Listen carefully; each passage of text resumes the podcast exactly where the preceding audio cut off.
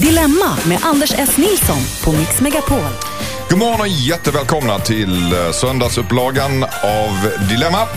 Program, programmet där vi löser era problem som ni skickar in på dilemma.mixmegapol.se. Och det är sommarsolståndet idag. Det är den ljusaste natten och kvällen på året faktiskt. Och det firar vi genom att ha en tapper trio som ska lösa era problem här idag. Det är Henrik Fexeus. Välkommen Henrik. God morgon, god morgon.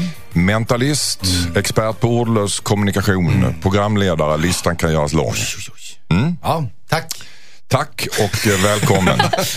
Josefin Crawford, välkommen också. Tack så mycket. Har en podcast som heter Ihop med Josefin. Jajamensan. Ett program här på kanalen som heter Mixkrysset. Yes box. Och sen har du också någonting mer va? Jag har så mycket. Du har lite låtar också i Jag har bagaget. lite låtar i bagaget. Ja. Jag, har, eh, ja, jag skriver lite, bloggar lite, bla bla bla. bla. Ja, men du vet, möjligt. man gör lite allt möjligt. Man håller på, man fixar och grejer. Man jobbar med media. Ja, det är det man gör. Tobias Persson, välkommen hit också. Tack ska du ha. Stand-up-komiker.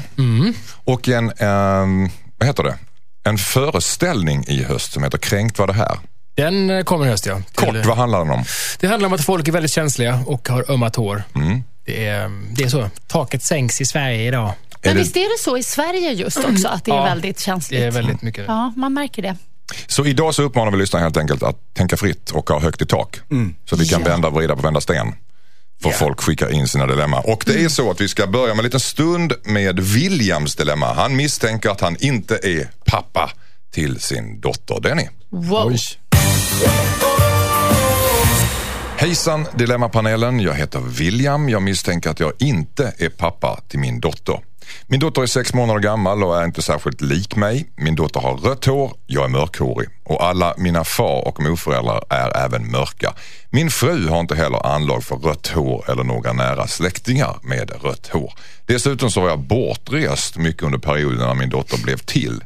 Jag sov hemma en kväll den veckan men annars var min fru hemma själv. Tanken har dykt upp under de senaste veckorna och kan inte rikt, jag kan inte riktigt släppa det här. Jag har, inte sagt till något, jag har inte sagt något till min fru. Jag är rädd att hon blir väldigt arg och upprörd över anklagelsen. Borde jag försöka göra ett faderskapstest i smyg? Undrar William. Vad säger du Josefin Crawford? Ja, jag tycker nästan att han måste göra det för att Få bort de här tankarna. komma över det här på något sätt. Alternativet är ju att han skiter i det och bara bestämmer sig för att nej men det här är mitt barn och så är det bra med det. Vare sig det kanske är en annan pappa egentligen. Men Mm. kan han, kla- klarar han det? Det är frågan. Det är uteslutet att fråga frun. Ja, alltså hon kommer ju kanske bli skogstokig, men om det ligger en Även om det är en, sant. nej, men är det en hund begraven så kommer hon också bli skogstokig. Men, Mm. Men eh, jag tycker ändå att hon inte... Nej, nu kommer jag av mig helt. Usch. Henrik Fexeus, rädda henne. Vad säger du? Ja, nej men alltså så här är det att, att, att William är ju, att, eh, först vill jag säga att jag, jag förstår hur du tänker William och, och jag känner för dig. Men William verkar också vara lite målat in sig i ett hörn när han säger, jag var inte hemma den veckan. Mm. Ja, nu är det ju kanske, alltså, det, nej men om man nu var hemma veckan därpå. äh, det, det känns väldigt så här, det, det låter som att i Williams värld finns det en enda rad då barnet kunde ha kommit till. Riktigt så är Eller det ju en inte. vecka är man väl ganska säker på, eller? Kan man inte vara det? Nej, nej, faktiskt och inte. även om barnmorskor säger ja men då var det det Ja, nej, men det datumet där är som barnet blev... Så är det inte. För så är Nej. det inte. Det ska man inte tro på. Men, men för däremot de så vill jag säger säga, så. ja, nej, Men det, ja, och det är jättedumt. Men däremot så vill jag säga att, att William, du är pappa till barnet. Sen kanske du inte är den biologiska fadern, men det är en annan sak.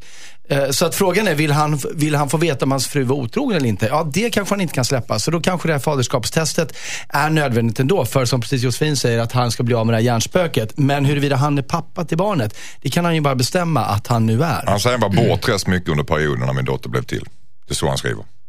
Ja, bortrest mycket betyder ju inte bortrest jämt. Nej, men min Alltså att, att en Nej, men- unge plötsligt blir rödhårig, det är ju också sånt som faktiskt Absolut. kan Ja, hända. absolut. Det kan- vara mm. många, många Ja. led bak i tiden. Han så. sätter igång någonting om man ska, om man ska börja topsa det här barnet när hon sover och sen skicka in det, sen skicka in det till någon slags... lockar i smyg. Ja, skicka in det, lägga det i någon slags eh, litet rör och skicka till. Birmingham. Det är det man gör tydligen. Är det så det går till? Man Ja. klipper hår på barnet? Ja, topsa i kinden gör man lite grann och sen lägger man in det här i ett, i ett rör. Varför vet jag det här? Hörru du!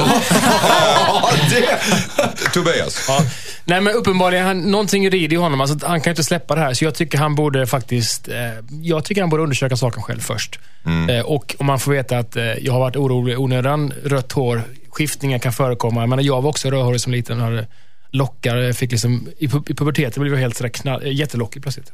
Två veckor senare var det helt borta. Mm. Jag trodde att två veckor senare fick jag reda på att det inte var min pappa. vad, vad säger du Josefin? Nu tänkt Nej, jag, jag tycker han ska göra det. Han ska Mm. göra det här faderskapstestet. Det är nog lika bra. Det är klart att han kan snacka med sin fru också, men det kan, bli, det kan vara lika bra att göra det själv i lugn och ro först. Och, Och då, så kom, då, få reda kommer, då kommer de viktiga frågorna. Om man nu får reda på att okej, det är inte min dotter. Mm. Var ska, hur, ska, hur ska han förhålla sig till det då? Ja, det är ju helt upp till honom. Antingen Mm. så väljer han, som vi sa, Henrik och jag, att liksom, okej, eh, det är min dotter i vilket fall som helst. Skitsamma vem som är den biologiska pappan. Eller också så blir det en känsla i honom att, det, nej men då vill inte jag kliva in. Han kan, han kan, det här är min dotter, men det är inte nödvändigtvis längre min fru. Ah, du menar så, okej. Han, får- han har ändå varit med det, någonstans, ja, inte så jättelänge. Varför skulle det vara så förresten? Nej, men alltså jag menar, det kan ju vara så att han inte vill ha en relation med den här kvinnan längre i så fall. Men han ska ha en relation med dottern menar du? Nej, men det, det är ju upp till honom. Det kan han, det kan han ju välja att ta. Okej. För den andra mannen finns ju bevisligen inte där någonstans. Topsa dottern, är det det som är grejen? ja, Ja. men gör det bara för att... Ja, det tycker jag. och, och var beredd på att skämmas som en hund när du inser att du nog var orolig i onödan. Så, ta det för det. Hej, jag heter Mona. Jag har, fått, jag har barn från ett tidigare förhållande och min man har även ett barn från ett tidigare förhållande. Min man har sina barn varannan helg och jag har mina barn varannan vecka. Min man jobbar väldigt mycket och jag jobbar 80% för att kunna ta hand om barnen mer. Men tiden räcker knappt till som det är. Nu fick jag höra att min man har lovat sin åttaåriga dotter att hon ska få flytta in till oss. Han har alltså bestämt det med sin dotter utan att prata med mig först. Jag blir förbannad och jag känner mig sviken. Jag känner att jag drunknar som läget är redan. När min mans barn är hos oss en helg så har jag fyra barn som jag måste passa upp på och de helgerna längtar jag bara tills veckan börjar igen. Jag har sett fram emot att mina barn börjar bli äldre. De är 12 och 14 och börjar bli mer självgående. Det känns väldigt tungt att det nu kommer en åttaåring till oss utan att jag har fått säga till om det. Borde jag säga åt min man att tänka om, undrar Mona. Vad säger du Josefin? Åh, det här är ju... Jag blir lite ledsen när jag hör hur Mona pratar om den här åttaåringen. För det är ändå hennes mans barn och det är en person. Och det är väl ganska fint att, att ehm, barnet vill bo hos pappa nu. Och eh, ja, det kanske kräver att eh, pappan är lite mer hemma. Alltså hon får ju snacka med sin man om det här. Inte bara se det som att en åttaåring kommer in och förstör. Alltså det låter så deppigt. Det låter så platt. Är Mona Opersonligt på Är Mona egoistisk, Tobias Persson? Eh, man kan säga två svar. Jag tycker att hon kan säga till sin man att du kunde väl snackat med mig. Det tycker jag är rimligt att säga. Att jag ville vara med om det här beslutet. Däremot tycker jag inte att man kan säga nej till det. Alltså en, en åttaåring eller en nioåring. Däremot om det är någon som är 17 år gammal kan man tänka att Ja, då, kan det gå, då, då må det vara hänt att den klarar sig själv. Men en åttaåring kan man inte liksom säga, nej du får inte komma för vi, vi ska ha liksom, eh, vinkväll själva. Nej det, nej, det går inte. Förstår du Mona, Henrik Fexeus? Ja, men det gör jag faktiskt. Eh, och jag skulle väl eh, först råda Mona om att ta det här brevet som hon skrev till oss och läsa upp det för sin man. Eh, men, men, men eh, alltså ni, ni säger att man kan inte säga nej till en åttaåring, men en åttaåring kan inte heller själv fa- fatta ett sånt beslut. Så det är ju väldigt komplext. Men däremot så är det ju så att vad hon behöver kunna säga till man, eller bör säga till sin man, är att, att nu när din åttaåriga dotter ska komma och bo hos oss mer så, så förutsätter jag, eller förväntar mig att du då kommer vara hemma mer också för att kunna ta hand om henne.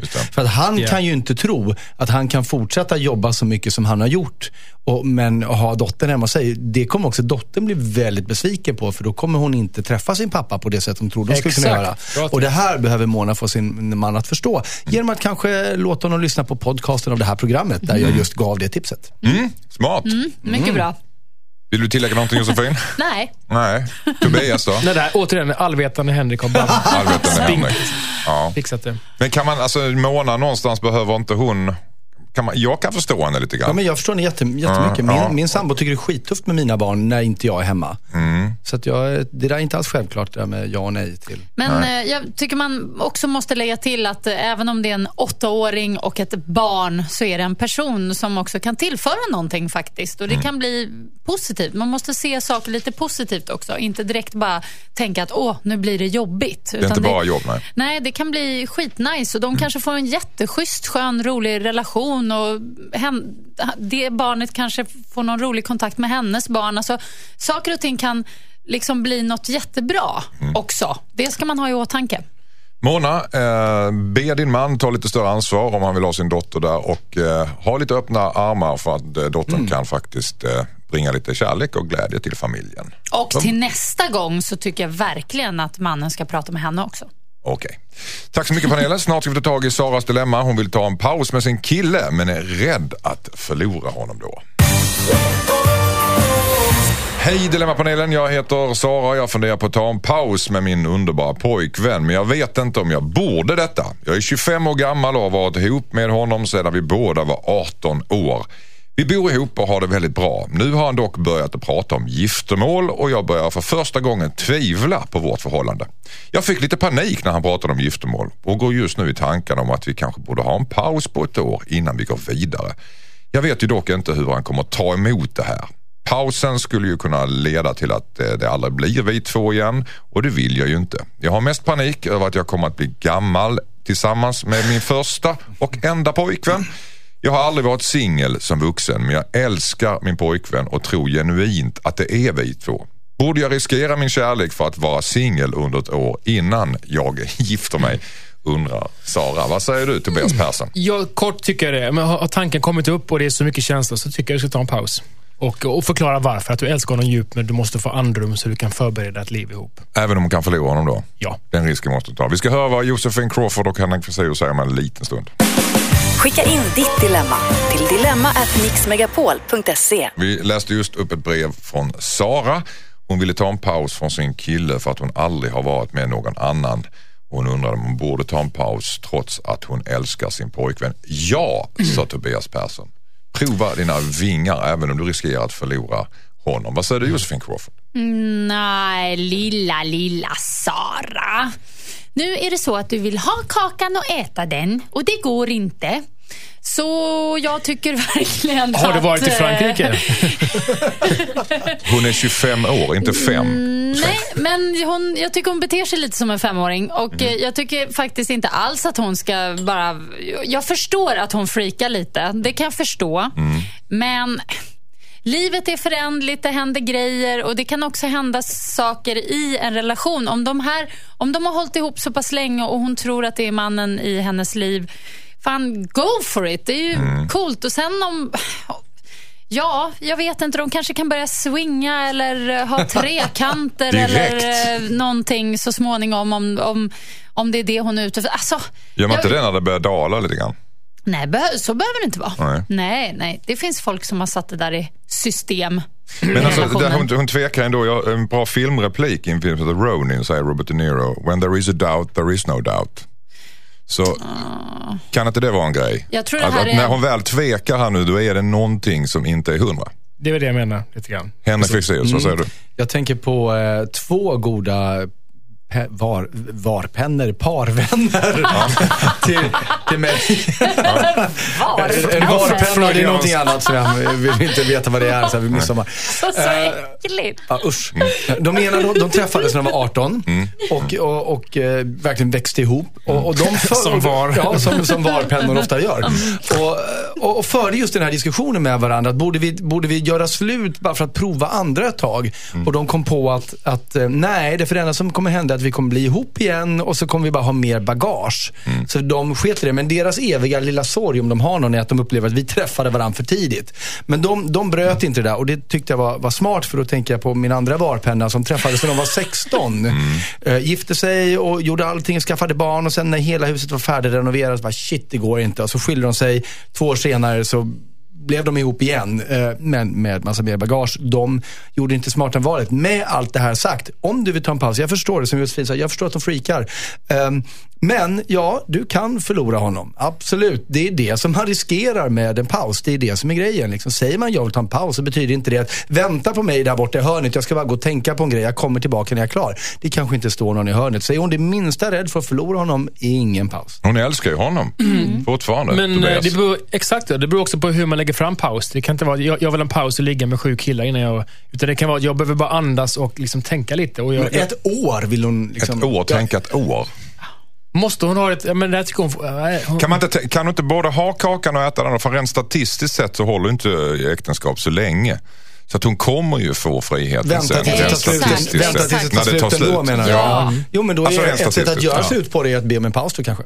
Men Mm. alltså det här med paus. Det finns ingenting som heter paus egentligen. Det är ju bara ett blajord Finns för det att någon paus göra någonsin slut. som bara har varit en paus? Nej, Nej. jag tror inte det. Nej. Alltså det om, ja, en paus möjligtvis att man måste gå ut och ta en promenad runt kvarteret. Och Ja, komma det. En sån paus finns. En Men inte, finns inte en paus Mm. på ett helt år. Nej, Nej, nej, nej, okej, jag håller med om det. Ett år är en märklig benämning.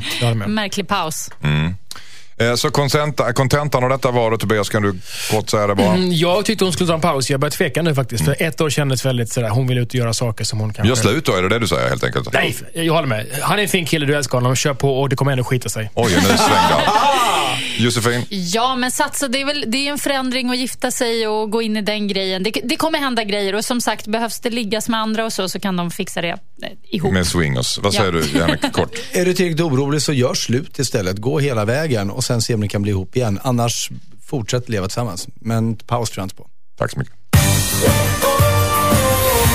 Hejsan Dilemmapanelen, jag heter Lovisa. Min kompis blir väldigt lätt småkär i killar. Nu har hon snart avverkat alla killar i vår umgängeskrets, vilket gör att vi knappt kan umgås med någon längre. Sedan några år tillbaka har vi alltid umgåtts ett stort gäng, men inte nu längre. Min kompis har inlett korta förhållanden med den ena killen efter den andra och efter att de tar slut så kan de inte vara i samma rum som de längre, säger hon. Det hela har gjort att vi nästan inte har några vänner kvar. Flera av de andra tjejerna har även tagit parti med killarna och jag känner hur hela min umgängeskrets långsamt försvinner. Jag har försökt prata med henne om det här men hon svarar bara att hon inte kan rå för vem hon blir kär i. Jag tycker väldigt mycket om min vän men vill inte offra hela min bekantskapskrets för att hon har lätt för att bli kär i killar. Eftersom hon inte verkar kunna kontrollera det funderar jag på att bryta kontakten med henne. Men jag vet inte om jag är för hård nu. Borde jag säga upp kontakten med min bästa vän för att hon bryter upp vår umgängeskrets, undrar Lovisa. Vad säger du Henrik Fexeus? Ja, men alltså att bryta kontakten med kompisen kommer väl inte lösa problemet att umgängeskretsen har krympt och nästan blivit obefintlig. Den kommer inte börja växa för att de inte umgås längre. Eller menar hon att hon ska börja umgås med mer killar då? Tillsammans ska väl de frysa ut henne eftersom hon... Ja, eh, men det finns inga killar kvar att umgås med låter det ju som. Annars skulle ju ett tips men det är vara... hon som inte kan vara i samma rum som dem när hon har väl har legat Nej, typ. men exakt. Men Det eftersom är den kill- enda gången hon inte kan vara i samma rum som hon uppenbarligen. Ja, ja, just det. Nej men annars kan man ju säga till killarna nu att, att Lovisa är liksom, hon kommer bli. Fall för fan inte för henne nu. Det kommer bli dålig stämning. Annars är det ju lite sådär att man skiter ju inte i det man äter. Det, det är ju det är ju dumt att, att, ragga i den närmsta vänskapskretsen så för det här kan hända. Eh, Så, så, men jag vet inte. Mm. Fast det är väl lätt hänt. Det är väl där man... Alltså, Ja, men hon låter, verkar som att hon har systematiserat det här på något sätt. Då är det ju bättre att bara bestämma sig för att, man, att jag ska inte ens göra det i samma stadsdel där jag bor. Eh, nej, men jag vet inte vad det skulle lösa att, att bryta. Alltså det, det, problemet här är att umgängeskretsen nästan har försvunnit. Det är att den ska komma tillbaka, måste ju vara det viktiga här. Eh, eller? Jag vet inte, vad säger du Josefin? Jag, jag tycker det känns så barnsligt hela grejen på något sätt. Det känns lite dadda hink och spade. Mhm. Ehm, Men det, det, är, en, det är en, det är ett reellt problem som hon har. jo, De har ju, men, de har ju, eh, hon har ju liksom eh, förgiftat vänskapen här Ja, men var, varför, kan, varför, har alla, varför kan ingen vara i samma rum som henne? Eller varför kan inte hon vara i samma rum som dem? Det Vad- vet vi inte riktigt därför att jag, förmodligen eh, tycker hon att det blir känsligt och hit och dit. Det är inte så ovanligt kanske. Vad säger du Tobias Ja, säg. Nej, men jag tycker att alltså, hon får ju växa upp. Eh, kompisen får, alltså, brevskriverskan får ju prata med sin väninna och säga, du får ju skärpa dig. Du, om du, kan du inte vara i samma rum med dem du har varit med, så då får du faktiskt gå och fika en lång stund. För att, Ja. eh, Jag hade inte velat förlora, om jag hade en kompis som höll på sådär, jag skulle inte vilja förlora 25 pers för att en person stormar ut varje gång man träffar gemensamma vänner. Det är ju jättekonstigt. Nej, men det är ju Och jag skitjobbigt. att Det är barnsligt. Ja, och det löser ju faktiskt problemet. Eh, För hon behöver inte bryta med dem. Hon säger, jag Nej. kommer träffa dem här nu. Nej, jag kan inte träffa dem. Nej, men då behöver, då behöver inte du följa med Exakt. då. Då får ju den här kompisen fundera på om hon ska bryta med det här gänget då eller inte. Mm. Så, att, så att fortsätt hänga med de här killkompisarna och sen är det upp till den andra tjejen då om hon vill vara med där eller inte. Ja, precis. Ja. Så tycker jag. valet. Ja. Du håller med om det Josefin? ja, det håller jag med om. Det låter väldigt rimligt. Det var det jag liksom inte riktigt greppa var, var, varför den här brevskrivaren på något vis ska ställas inför ett ultimatum. Nej, det, den här kompisen behöver ju inte ha makten över, över Nej, verkligen inte. Det är ju- Lovisas umgänge. Lovisa ska bara chilla med allihop. Och det verkar inte varit alltså, något, något trauma heller. Hon har legat med folk höger och vänster och alla haft roligt. Så det är, det är inget som har hänt heller. Det är bara Nej, lite småförälskelse. Varför ska hon storma ut och göra skilda världar och allting? Och växa upp. Får väl Ja. ta sig i kragen och... Exakt. Men nu kan inte hon styra över henne alltså, men eh, hon ska Nej. inte bryta kontakten i alla fall. Men hon ska ta upp det här med henne och säga Ja. grow up. Yes. Ja. Yes. Hej Dilemmapanelen, jag heter Robert. Jag och min fru har varit gifta i två år och bor tillsammans. Nu har hon fått för sig att vi ska ha separera våra sängar och sova i varsitt sovrum. Jag har alltid förknippat separata sovrum med trasiga förhållanden och tycker därför att det här känns väldigt jobbigt. Vi har inga problem i vårt förhållande utan hon vill helt enkelt bara ha det varmt när hon sover och jag vill ha det kallt. Dessutom så tycker hon det är jobbigt att jag snarkar. Rent praktiskt så är det rimligt att vi delar upp oss när vi sover men det känns verkligen inte bra det här. Borde jag gå med på att sova i separata sovrum trots att jag mår dåligt av detta? Undrar Robert. Vad säger du eh, Tobias Persson? Mm, nej, det tycker jag inte. Jag menar, han vill ha det kallt och hon vill ha det varmt. Då får väl han ha ett tunnare täcke och ha en klädnypa på näsan. Alltså man, man får ju lösa det på något sätt. Man kan ju inte ha... Han var snarkar också. Varit gifta i två år, ja. Då får... Nej, nej, nej. Usch vad tragiskt. Det är för tidigt. Vad säger Ja. du Josefin? Ja, det låter ju lite deppigt, men som jag sa förut, mina morföräldrar har alltid haft det så länge jag kan minnas. Någon gång kanske de hade då eh, delad säng, men det, eh, ja, det var väldigt länge sedan. Och jag vet inte, de höll ju i alla fall ihop eh, hela vägen ut så att säga. Så att, eh, ja. Det är kanske därför de höll, höll ihop så länge. Ja, för att det de är det jag hade menar. Det är det jag menar. på Alltså, det kanske var bra, så kanske de smög över till varandra. Det kanske blev lite spänning i det. Oj, här kommer en främling sätt. i rummet, minsann. Ja. men det kan jag nog tänka mig att det gick till så i så fall. Men, Kröp, eh, kröp över när ni skapat triss i morgonsoffan. Ja, och sen går man tillbaks liksom Ja. till sitt rum och kryper ner i sin egen sköna säng. Och det kan ju vara jobbigt att Det dela skönt, säng plötsligt. med någon. Ja, men alltså, Det är kanske så man ska... Älskling! Du får det låta mysigt. Ja, men det kan vara kanske någonting bra. Jag tycker han kan ge en Han kan testa, men, på, men det finns en, en del av mig känner också bara, åh nej, vad sorgligt. Man missar ju den här lilla mysbiten kanske. Ja. Vad säger du Henrik Fexeus? Ja, men alltså, nu, det är klart, de, kan, de har varit gifta i två år, de kan ju ha varit tillsammans i 30 år. Men jag antar att Robert har skrivit att de har varit gifta i två år för att på något sätt påskina att det är ett hyfsat nytt förhållande ändå. Och eh, nej, säger jag.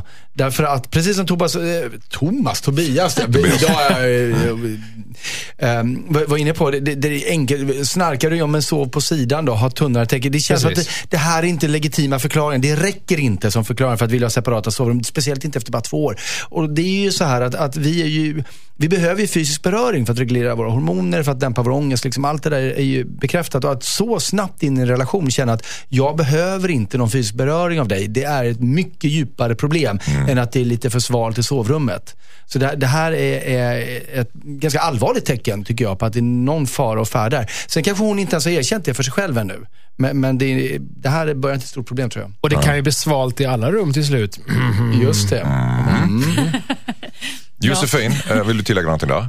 Ja, jag tycker ändå att eh, de kan... Nej, vad fan. Usch, nej, nej, de ska, nej, han ska inte gå med på det. Om han inte tycker att det känns okej så ska han inte gå med på det förresten. Låt- nej, det bara ska har, har ni sovit tillsammans med någon som snarkar väldigt mycket? För det här är, alltså, det kan ju vara ett jätteproblem. Om Ja. man inte kan sova överhuvudtaget, hon kommer är jättetrött till jobbet. Det finns ju de som snarkar, de lever ett helt annat liv på nätet. Det är inte bara snarkning, det är ljud, det är liksom skrik, det är allt Men möjligt. sen, man, man kan ju lösa det som du sa med olika tecken. Man kan ha två olika tecken. Mm. Man, kan ha en, man kan skaffa en jättebred säng. Du kan köpa en säng nu som är 2,20 bred. ja, Liksom. hur, hur, hur, hur hjälper Alltså- det mot snarkning? Nej, men, öronproppar då? Ja, Ja, det var han som snarkar. Ja, men det, finns- det, men det, det finns ju Jag Nej, men alltså, jag menar, Så det- slipper han höra henne klaga. Just det där med separata sovrum, det är så himla dramatiskt ju. Nej, man kan lösa det på andra sätt tycker jag. Det finns ju hjälpmedel för snarkning. Om det inte räcker med att ligga på sidan så finns det de här näsutvidgarna. och så. Alltså det där är inte grejen. Det finns operation också nu. Ja, det gör det. Alltså jag känner att det här är lite parterapi-feeling på. Det är så ja. Ja, du ser att det finns något allvarligt problem bakom det här. Separata sovrum bara en dålig ursäkt. Tror Henrik Fexeus. Så det är självklart att ni ska sova ihop du och din fru Robert. Ett tag till. Ett tag till. Ett, ett, typ, Håll, tills ni håller, blir håller, gamla. ni, håller ni i handen när ni sover? Se om hon inte tycker det är lite mysigare. Nej, Ja, men, fy fan. Då blir det ännu varmare, var det inte så? Ska man ja. ligga och hålla i handen när man sover? Usch. Okej. nej. Hur som helst, hur som helst, ni ska sova ihop Robert. Hejsan Dilemmapanelen, jag heter Erik. Min fru vill boka in en resa med sina väninnor direkt efter vårt bröllop. Vi ska gifta oss i slutet av sommaren och vi har tagit två veckors semester efter bröllopet för att vi ska göra en bröllopsresa. Nu har hennes kompisar bokat in en resa dagarna efter bröllopet och min blivande fru vill följa med på den. Det är en fyra dagars resa vilket innebär att vi endast får en vecka tillsammans. Men det värsta är att hon kommer att sticka iväg med sina väninnor två dagar efter vårt bröllop. Två av tjejerna som ska med på resan kommer att bli mammor till hösten och hon menar att det är deras sista resa innan de blir föräldrar. Jag skulle ha full förståelse för om hon vill åka iväg om det inte var för att det var just dagarna efter vårt bröllop. Ska jag förbjuda min blivande fru att åka på en resa med sina vänner direkt efter bröllopet? Eh, undrar Erik. Vad säger du Josefin Crawford? Nej, men det där kändes väl inget schysst tycker jag. Alltså av ha hans blivande fru. Sticka iväg med polarna? Nej, tycker jag inte alls var okej faktiskt. De kan vänta. De kan åka på en resa senare. Herregud, jag förstår att han är, känner sig liksom... Men däremot att förbjuda, det är ju ett starkt ord. Mm. Uh, men Vad skulle han... du vilja använda för ord då? Jag vill bara att han ska prata med henne så att hon förstår att, det är ju, att han blir ledsen. Han, blir, han, han ska säga att han blir ledsen. Det brukar mm. funka. Mm, vad säger du Henrik Fexeus? Nej, men alltså, nu, jag tycker att man behöver absolut inte åka på bröllopsresa omedelbart efter bröllopet. Det finns det ingenting som säger. Men nu låter det som att de har bokat upp två veckor där. Som jag antar är för att de ska iväg. Och det vet ju hon. Vilket innebär att när hon kommer med det här, då gör hon en medveten prioritering över bröllopsresetiden mot att åka med polarna. Och som Josefin sa, det känns verkligen inte okej. Okay. Även om två ska bli mammor, ja men det är inte sista gången i deras liv nej. som de kan resa bara för att de Precis. ska bli mammor. Så att det här är ju, eh, nej alltså fan fan vad taskigt. Plus att det inte ens de har inte, det vore en sak om de var såhär, oj men gud, men jag har ju tackat ja till den här resan för två år sedan. Men det är ju inte ens så, den är bara på tal. Mm. Eh, jag förstår inte hur hon tänker. Eh, då, då, får väl han liksom, men du, jag drar med våra fyra, mina fyra singelkillar kompisar till Ibiza under tiden då. Nej men jag vet, nej det var barnsligt. Mm. Men, men nej, jag, usch. Takt, men, taktlöst av ja, blivande fru. Vad säger du Tobias Persson? Med risk för att vara tråkig som eh, cement. Jag håller med eh, alla föregående talare. Jag tycker också det, om man väl om man åker på bröllopsresa, du är kär, du ska cementera någon slags evigt minne. Och sen ska hon snabbt liksom packa och göra sig i ordning för nästa resa. Det känns som någon slags desperat möhippa del två, att hon ska med sina vänner och sista chans, vadå sista chansen? De är kvar i livet. Vad är ja, liksom stressen? Om jag vore han, då skulle jag hota med att skjuta upp hela bröllopet då, i mm. så fall. Okej. Okay. Mm, du tar mig inte på allvar typ? Ja, nej men då skjuter vi på bröllopet också. Då tar vi det längre fram, skulle mm. jag säga då. När du har rest klart med din badboll, kom till mig. När du... Det är ju konsensus som i P3 där alltså. Det är Fast helt vi har inte löst hans problem. Nej, problem. Problemet var ju att man skulle tvinga henne. Nej det, nej, det går inte. Man kan inte tvinga nej. en vuxen människa. Man kan vädja, öppna hjärtat och säga, ja, vår resa måste väl vara viktigare. Eller tycker inte du det älskling? Ja, hur känner du om jag skulle gjort samma sak på Ibiza? Och... Ja, alltså hur Passivt aggressivt menar du? Ja, jo, jo, men någonstans. hur, hur värdesätter hon deras relation? Ja. Mm. är ju frågan som dyker upp här. Inte, ja. Man undrar ju också lite grann hur kompisarna tänker. Borde inte de säga, det är klart du ska vara med din kille, herregud, det är bröllop. Ja, de, de jagar på henne att följ med oss, vi ska bli mammor hej till dig. Det känns jätteskumt. Och så att de ska bli mammor, hur, hur roliga, hur roliga är de då? Ja. Liksom, Gå runt och är gravida och mår Jag måste ha lakrits och. Nej, nej, nej. nej, nej, nej. Och, ja. De kanske inte ens får flyga. Om de är tillräckligt sent Nej, just det. Nej. Men det kan, vet vi inte riktigt hur långt det har kommit. Nej, nej. Inte förbjuda, men strängeligen uppmana mm, och den blivande frun. Och skjuta på bröllopet kanske till och med. Eh, skjuta på bröllopet, ah. ja. ja Okej. Okay. Mm. Om, eh, om inte de får två veckor tillsammans. Ja. Okej, okay, Erik, du hörde. Den domen den kom från eh, Tobias Persson, Josefin Crawford och Henrik Fexeus i Dilemma. Hejsan, jag heter Kim. Jag är 27 år gammal och har ett bra jobb. När jag var 22 år så pluggade jag ett år utomlands och mina föräldrar betalade för utbildningen. Nu har jag ett bra jobb och har råd att betala tillbaka mina föräldrar. Men min flickvän tycker inte att jag borde det. Jag berättade för mina föräldrar för ett halvår sedan att jag ville betala tillbaka pengarna som jag fått för mina utlandsstudier. Då svarade mina föräldrar att jag inte behövde och att jag borde eh, åka på någon resa istället tillsammans med min flickvän. Nu har jag sparat ihop pengarna som jag fick av mina föräldrar och vill betala tillbaka. Men min flickvän är förbannad över att jag hellre vill betala mina föräldrar än att åka på en resa med henne. Jag vill ju självklart åka iväg med henne men det skulle kännas bra om jag fick återgälda mina föräldrar innan jag lägger en massa pengar på nöjen. Borde jag strunta i att betala tillbaka för att göra min flickvän glad? Undrar Kim. Det skrattas till. Tobias Kan man Persson. inte betala halva summan och åka på en kort resa då? Så man Halva summan och bjuda henne och stanna hemma själv. Ja, runt kvarter. Nej, men jag förstår inte. Det här låter som en så här, alltså föräldrarna verkar ju genuint mysiga människor som säger det är lugnt, lev ditt liv nu, vi bjöd på det. Och det är ju gulligt. Då måste han antingen acceptera det och sen kanske då vara schyssta mot föräldrarna på andra sätt och bjuda hem dem på middag ofta och visa att man tack så hemskt mycket för det. Men, eh, men hon, hon kan ju inte bestämma det åtminstone, flickvän. Hon kan ju inte säga Har hon rätt att bli förbannad då? ja, eller åtminstone lite sådär, men nu har de ju sagt att vi kan få resa. Kan inte vi mysa då? Josefin, vad säger du? Nej, jag håller verkligen med. De, Det skulle ehm, få göras. Det skulle få göra. Absolut, du ska hålla med Tobias. Okej. Vi ska höra. What? Vi, vi, du, Okej. du ska få utveckla resonemanget. Ah, Och Henrik också. Om en liten stund. Ja. Vi har pratat om Kims dilemma. Han undrar om han borde åka på en resa med sin flickvän istället för att betala sina föräldrar för sina studier. Det kändes som att Kim ville betala eh, tillbaka istället för att resa med sin flickvän. Och du tycker att eh, det borde han inte göra. Han ska resa med sin flickvän Tobias. Nej, men, det här påminner väldigt mycket om, om eh, när mina föräldrar hade så här parmiddag. Det här är barndomsminne jag har.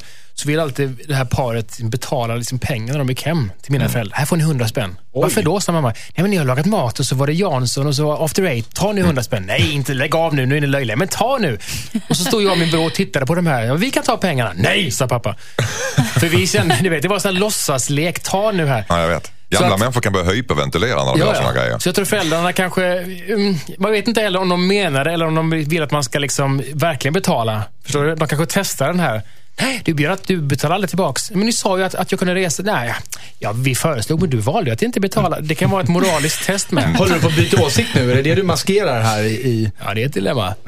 Det Josefin Crawford, vad tycker du? Ja, men det känns som att Kim är så himla överdrivet rejäl och präktig här. Liksom. Herregud, föräldrarna har sagt nej, men keep the money och åk eh, på en resa med din tjej. Det är väl grymt? Och som sagt, visa din eh, tacksamhet till dina föräldrar på annat sätt. Då. Mm. Bjud med dem på, kanske inte samma resa eller en annan resa. Eller gör, alltså, han har ju ett bra jobb och han tjänar pengar. och det, liksom, det här är ett icke-problem. Jag tycker han ska sänka sin präktighetsgrad lite. Tagga ner lite och bara låta föräldrarna bjussa på det här. Jobba med sina skuldkänslor på föräldrarna kanske. Ja, Henrik Fexeus, vad säger du? Ah, jag håller inte med alls. Varken, jag håller inte med Tobias Josefin. här. Härligt, det tycker vi om. Ja, nej men så här är det att, att Kim, han säger ju att han vill betala tillbaka och jag kan absolut förstå att om han inte, han kanske är en person som inte tycker om att stå i skuld till någon, speciellt inte till sina föräldrar för att han vill kunna ha en relation till dem där det inte finns någonting i bagaget som är att, att de har någon liten hållhake på honom för, för han är skyldig dem 75 000 spänn. Det kan vara skönt att bara bli av med det, precis som att betala tillbaka till CSN. Eh, och dessutom, han har, ju, han har ju sagt att han har ett välbetalt jobb. Så betala föräldrarna, spara någon månad till så kan du fortfarande åka på den där resan med din flickvän eftersom du verkar ha ett välbetalt jobb som gör att du kan spara. Och nästa gång kanske du inte ska bli tillsammans med en sån golddigger. Oh, Oj! Aj, aj. Oj. Men alltså hur ska man förhålla sig till person egentligen i det här Nej, fallet? alltså, det är väldigt enkelt. Det, är så här, det- här är mellan mig och dina föräldrar. Du, det, det här, du är faktiskt inte inblandad i det här. Jag står i skuld till mina föräldrar. Jag mår bra av att betala tillbaka det. Jag tänker göra det. Du och jag ska självklart åka på en resa. Men det här är ett annat resonemang. Mm. Eh, Men alltså de vill ju inte ha pengarna. Föräldrarna vill inte ha pengarna. Hur ska man förhålla sig till Föräldrarna person? kanske har ett behov av att känna att de har just hjälpt honom med den här utbildningen och bidragit. Alltså det kanske gör dem, kanske känns bra för dem i deras hjärtan och själar. Så därför tycker jag att... Mm, Men då, då skulle de inte ha sagt att de har lånat ut. Alltså det låter ju som att de har gjort en deal med att han har lånat pengar som han ska betala Ja, men nu tillbaka. har de ju sagt så här, nej men behåll, det är lugnt, har de ju sagt. Jo, men om han nu känner att nej, jag, jag vill inte behålla era pengar. Tönt. Jag vill betala tillbaka det. Jag tycker det är, Men alltså allvarligt talat, det är lite Rain Man-beteende här. Att man måste betala till, till varje det är pris. fan Alltså. inte alls det. De där 20 spännen, så hur länge har du tjatat på mig om dem, att du ska ha dem? Det var en Magnum som vi köpte. Jag hänger småkan i luften här kan jag säga. Jag är bara programledare Henrik Fexeus. Josefin, du, du, du står på det alltså? Ja, jag står på mig helt och hållet. Jag tycker att det är lite så här ett tramsigt i det här läget. Faktiskt. Du var inne på någonting att föräldrarnas eh, vilja med det här egentligen. Först var deras vilja med pe- pengar är ju bara ett medel egentligen. Deras medel i det här fall- fallet var att de ville skulle ha en utbildning och nu det att han vill att de ska ha ett trevligt liv. Att de ska resa på en skön semester och stärka jag deras tycker det är förhållande. gulligt och det är fint mot den här flickvännen också. Jag tror inte alls att hon är en golddigger. Kan du inte köpa det Henrik Jag tänker låna pengar av Josefin. Nej, men gör så här då. Betala tillbaka hela summan eh, till dina föräldrar så får väl de sen i sin tur ge tillbaka hela den summan under flera år i små kuvert. På glad påsk. Till flickvännen. Ja, precis. Eller, och så får de bjuda på en resa. Alltså, Men betala tillbaka först så du kan sova då. Så dina föräldrar, så ni har en ren relation. Sen kan de ge tillbaka igen. Men det är konstigt att flickvännen blir förbannad ändå. Alltså att hon liksom någonstans lägger sig. Ja, det jag Jag skulle förstå eh, henne ändå lite. Att hon stör sig. Inte förbannad, det är inte okej. Kan väl men ha sina egna sig. pengar. Ja, ja. Okej. Betala tillbaka till varje pris tycker Hanna Fexeus. Absolut inte. Åk på resa tycker Tobias Persson och Josefin. Och det får du nöja dig med Kim. Hejsan Dilemmapanelen, jag heter Amanda. En av mina vänner skickade en bild på sig själv i underkläder till min pojkvän. Och jag vet inte vad jag ska göra. Jag har varit ihop med min kille i ungefär två år och jag har misstänkt att min kompis har varit intresserad av honom. Men jag hade aldrig trott att hon skulle agera på det här sättet. Nu visade min kille deras sms-konversation där hon har skickat en bild på sig själv i underkläder. Bilden kommer som en blixt ifrån en klar himmel i konversationen. De har inte flörtat eller något sånt. Min pojkvän svarade inte på det och berättade för mig vad som hade hänt. Ett dygn senare så kom det ett sms från min kompis där hon skrev att det blev fel. Att det dröjde ett dygn för henne att se att hon hade smsat fel kille köper jag inte. Jag tror hon försökte ragga på min kille men när det inte fungerade så försöker hon dölja sina spår. Borde jag säga upp bekantskapen med min kompis undrar Amanda. Henrik Fexeus, vad säger du? Ja, eh, skickat fel bullshit. Det händer ju inte längre. Eh, sen, kan det väl sen nej, inte sen man har den där kontakt... Ja, om man hade samma förnamn kanske. Hon bara såg att hon skrev in förnamnet. Annars är det i med de här kontaktlistorna som är i de, de flesta telefoner så är det där med att man råkar skicka till fel nummer. Det, det finns inte riktigt Men du längre. kan ha massa chatter uppe samtidigt och sen så skickar du fel. Jag fick en bild av dig Henrik, man är äcklig. Men det var ju med flit. Jaha, okej. det var, Då var det det var vackert. han Då var det menade. vackert. Ja, nej, men, ja, nej, men så jag, jag tror inte att det var, jag tror att det, inte att det var fel. Däremot så kanske den här tjejen kände att oh hoppsan, det här landade inte bra. Eh, frågan var, kom, behöver jag se upp bekantskapen? Jag, jag tror ju att den här bekantskapen kommer i alla fall ett tag av sig själv bli lite ute på kanten. Eh, så att det, där, det, det löser sig. Jag tror inte att hon aktivt behöver säga upp det här, för det, de kommer inte ses mycket på ett tag nu ändå. Josefin Crawford, vad säger du?